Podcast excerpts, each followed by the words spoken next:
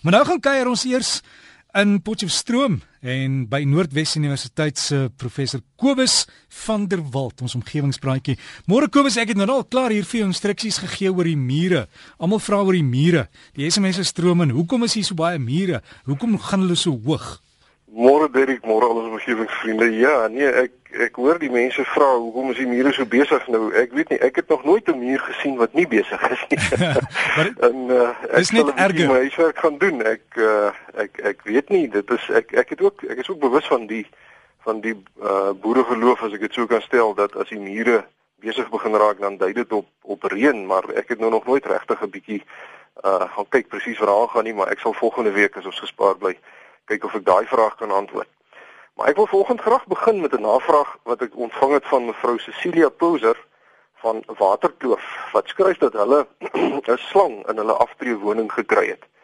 Wat haar man toe nou gered het in 'n nabygeleë valletjie weer gaan uh, vrygel, uh, vrygelaat het en nou is sy doodbang en sy vra of daar nie plante of ander middels is wat mens kan gebruik om slange af te skrik nie dat hulle nou nie in die, in die huis inkom nie want hulle hou nou saans en soggens hulle deure oop om die koel buitelug in die huis te laat inkom. Nou ja mevrou Poser, ek kon slegs een enkele verwysing in 'n wetenskaplike artikel kry oor 'n natuurlike plant wat glo slange weghou en dit is die plant met die naam Chenopodium album of dan in die in die algemene taal bekend as die wit die wit hondebossie. Nou die artikel sê dat hierdie plant eintlik 'n onkruid is en ek het toe in die verklaarde onkruidlys van Suid-Afrika gaan soek, maar sy naam verskyn nou nie daar nie, so ek dink mense sal hom daarom wettig in jou tuin kan aanplant al is dit eintlik 'n onkruid. Nou hoe effektief die plant is as slangafweermiddel sê die artikel egter nie. Hy sê net party mense sê dat dit so gebruik kan word. Ek het ook gesoek na ander slangafweermiddels en as mens nou bloot die woorde snake repellent in 'n soek engine intik op die internet, dan kom mense op 'n hele paar webwerwe af wat produkte adverteer wat glo slange verjaag. Maar as mens nou uh, in hierdie lys webwerwe 'n uh, bietjie verder kyk, dan kom mense op ander webwerwe af wat beweer dat hierdie produkte glad nie werk nie en dit bloot geldmors is. So dit lyk my nie asof daar werklik enige plante of chemiese stowwe is wat slange verdryf nie. Maar as ek verkeerd is, laat weet my asseblief daarvan. My slotsom is dat die beste manier om te voorkom dat slange in jou erf of in jou huis inkom, is om jou erf vir hulle so onaantreklik as moontlik te maak. Slange hou nie daarvan om oop en bloot rond te beweeg nie, maar verkies 'n bedekking. So as die slange wil weghou van die huis of tuin af, sal u die bedekking moet beheer. En dit sal nou behels dat struike en ander plante so gesnoei moet word dat hulle onderkante nie op die grond lê nie en dat daar nou ook nie lang gras of komposhope, kliphope of houthope naby aan die huis moet wees nie. En verder is slange gewoonlik agter voedsel aan. Met ander woorde, as daar nou knaagdiere soos muise of rotte of baie insekte in die tuin is, dan sal die kans groter wees dat daar van tyd tot tyd dalk 'n slang agter hulle aan sal wees. En daarvoor kan 'n mens dalk 'n kat aanskaf, want die kat sal die knaagdiere onder beheer hou en dit sal die kans dat slange nou by jou huis gaan kom pla natuurlik verminder. En dan is daar ook etlike boererade wat ek raak geloop het, so swaal, motballetjies en selfs iemand wat sê jy moet 'n dun laagie katmis wat mense uh, nou om jou huis kan strooi, uh moet jy moet jy al om jou huis strooi en die katmis sal nou glo in die slange se skubbe vassit. Maar daar is net soveel uitsprake op die internet dat hierdie tipe goed bloot glad nie werk nie. As om, as ons omgewingsraad, uh omgewingsvriende van 'n beproefde raad weet waarmee slange verdryf kan word, laat weet my asseblief daarvan, dan sal ek graag vir die ander mense daarvan vertel. Dan Derek het ek 'n brief ontvang van meneer Mani Gous van Oudtshoorn en hy skryf dat hy onder die indruk is dat Kansa nie van die gevare van sonbeddens bewus is nie.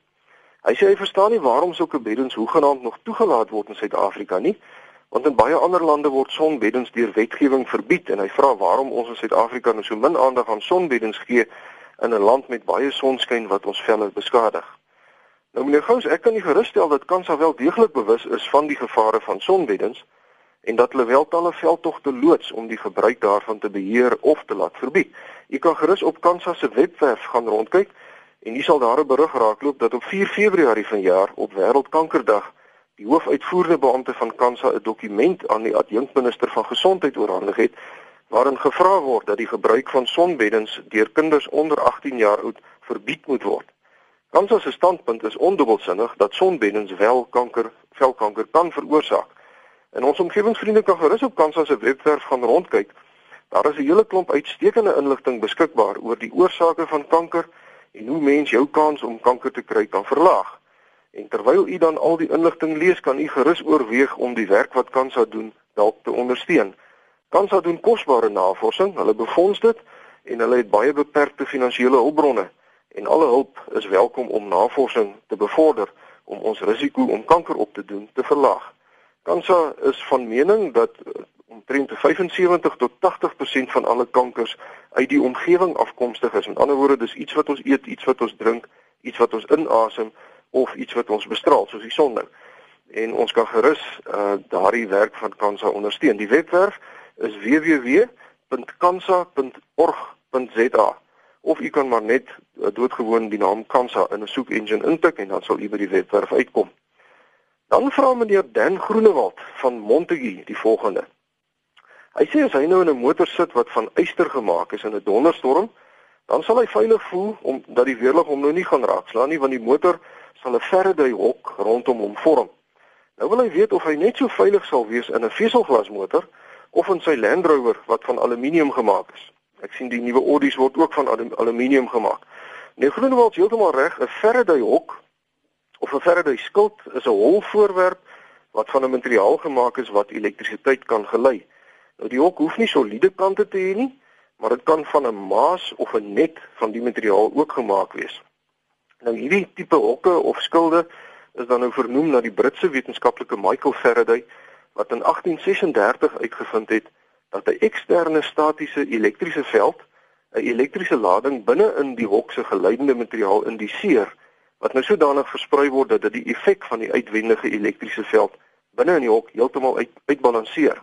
So as weerlig daarom byvoorbeeld 'n motor of 'n vliegtuig sou raakslaan, dan sal die passasiers binne in die kajuit heeltemal veilig wees en dieselfde geld natuurlik ehm um, nou vir meneer Groenewald se aluminium Land Rover of motors wat van aluminium gemaak is, want aluminium is 'n metaal en dit gelei wel elektrisiteit.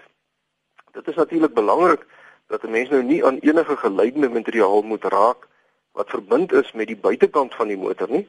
So die beste is om as die weerlig rondom jou motor begin blits en jy raak bang, dalk maar eerder van die pad af te trek en rustig te sit en wag vir die storm om verby te trek met jou hande in jou skoot. Moenie aan jou radhefboom of die pedale van die motor of aan jou radio of aan die deur handvatsels raak nie en jy sal dan heeltemal veilig wees. Maar nou hoe gemaak met 'n veselglasmotor? Nou veselglas is 'n baie swak geleier van elektrisiteit en daarom is die kans dat so 'n motor deur weerlig raakgeslaan sal word eintlik baie skraal. Behalwe as mens nou reg bo op 'n bergtoppie geparkeer het of baie naby aan 'n geleier is soos 'n staalvoorwerp of 'n een of ander geleier wat elektrisiteit nou sal aantrek soos byvoorbeeld onder 'n boom gaan stop met 'n veselglasmotor. Dit is 'n bietjie onnoosal. So dit moet 'n mens nou nie doen nie. En dan eh, as 'n mens nou kyk na die ander moderne materiale, uh, moderne vliegtuigontwerpe soos byvoorbeeld die Airbus vliegtuie, ehm um, is gedeeltelik van koolstofveselmateriale gemaak, soos Kevlar en en al hierdie wat in Engels nou bekend staan as composites. Maar in teenstelling met glasvesel, gelei koolstofvesel wel elektrisiteit. So u sal net so veilig wees in 'n groot nuwe Airbus of in 'n vliegtuig wat gedeeltelik dan nou van 'n uh, uh, van hierdie nuwe koolstofveselmateriale gemaak is as wat u nou in 'n ouer ontwerp vliegtuig sal wees wat van metaal gemaak is. Baie dankie meneer Groenewald vir u interessante navraag. En dan omgewingsvriende eindig ek vir oggend met 'n navraag van meneer Stefans Olivier van Swellendam. En hy sê dat die atmosfeer maar net 0,0314 CO2 bevat. 0,03% CO2. Dis eintlik verskriklik min. Nou sê hy dat die mense wat aardverwarming verkondig of soos hy sê soos ou baas van Sewende Land sal sê aardse verwarming verkondig. Hulle sê die, die hy sê die mense beweer dat koolsuurgas en ander kweekhuisgasse uh, gasse drasties toegeneem het en hierdie toename dan nou die oorsaak van klimaatsverandering is. Nou vra hy of dit wel die geval kan wees. Hy sê al verdubbel die persentasie koolsuurgas is daar dan maar net 0,06% van die atmosfeer wat uit koolsuurgas sal bestaan. En nou sê hy dit kan mos nou nie 'n beduidende verskil maak nie. Baie dankie meneer Olivier vir u vraag. En om dit te kan begryp, moet ons eintlik verstaan dat as mens van aardverwarming praat en van energie, die energieverspreiding hier op aarde, daar 'n baie fyn balans is tussen die inkomende energie van die son af en dan die hoeveelheid van daardie energie wat deur die boonste atmosfeer onmiddellik weggekaats word terug die ruimte in, dan die hoeveelheid energie wat deur die ozonlaag geabsorbeer word en dis hoofsaaklik nou die ultraviolet uh plek in die spektrum van die van die energie wat hier aankom dan ook die hoeveelheid energie wat deur stofdeeltjies in die atmosfeer verstrooi word. En dit is hoofsaaklik die die die rooi uh dele van die spektrum. Dis hoekom die die lig vir ons blou lyk. Dan ook is daar 'n sekere hoeveelheid van die energie wat deur wolkbedekking afgeskerm word. En die wolke is natuurlik nie elke dag dieselfde nie so dit wissel.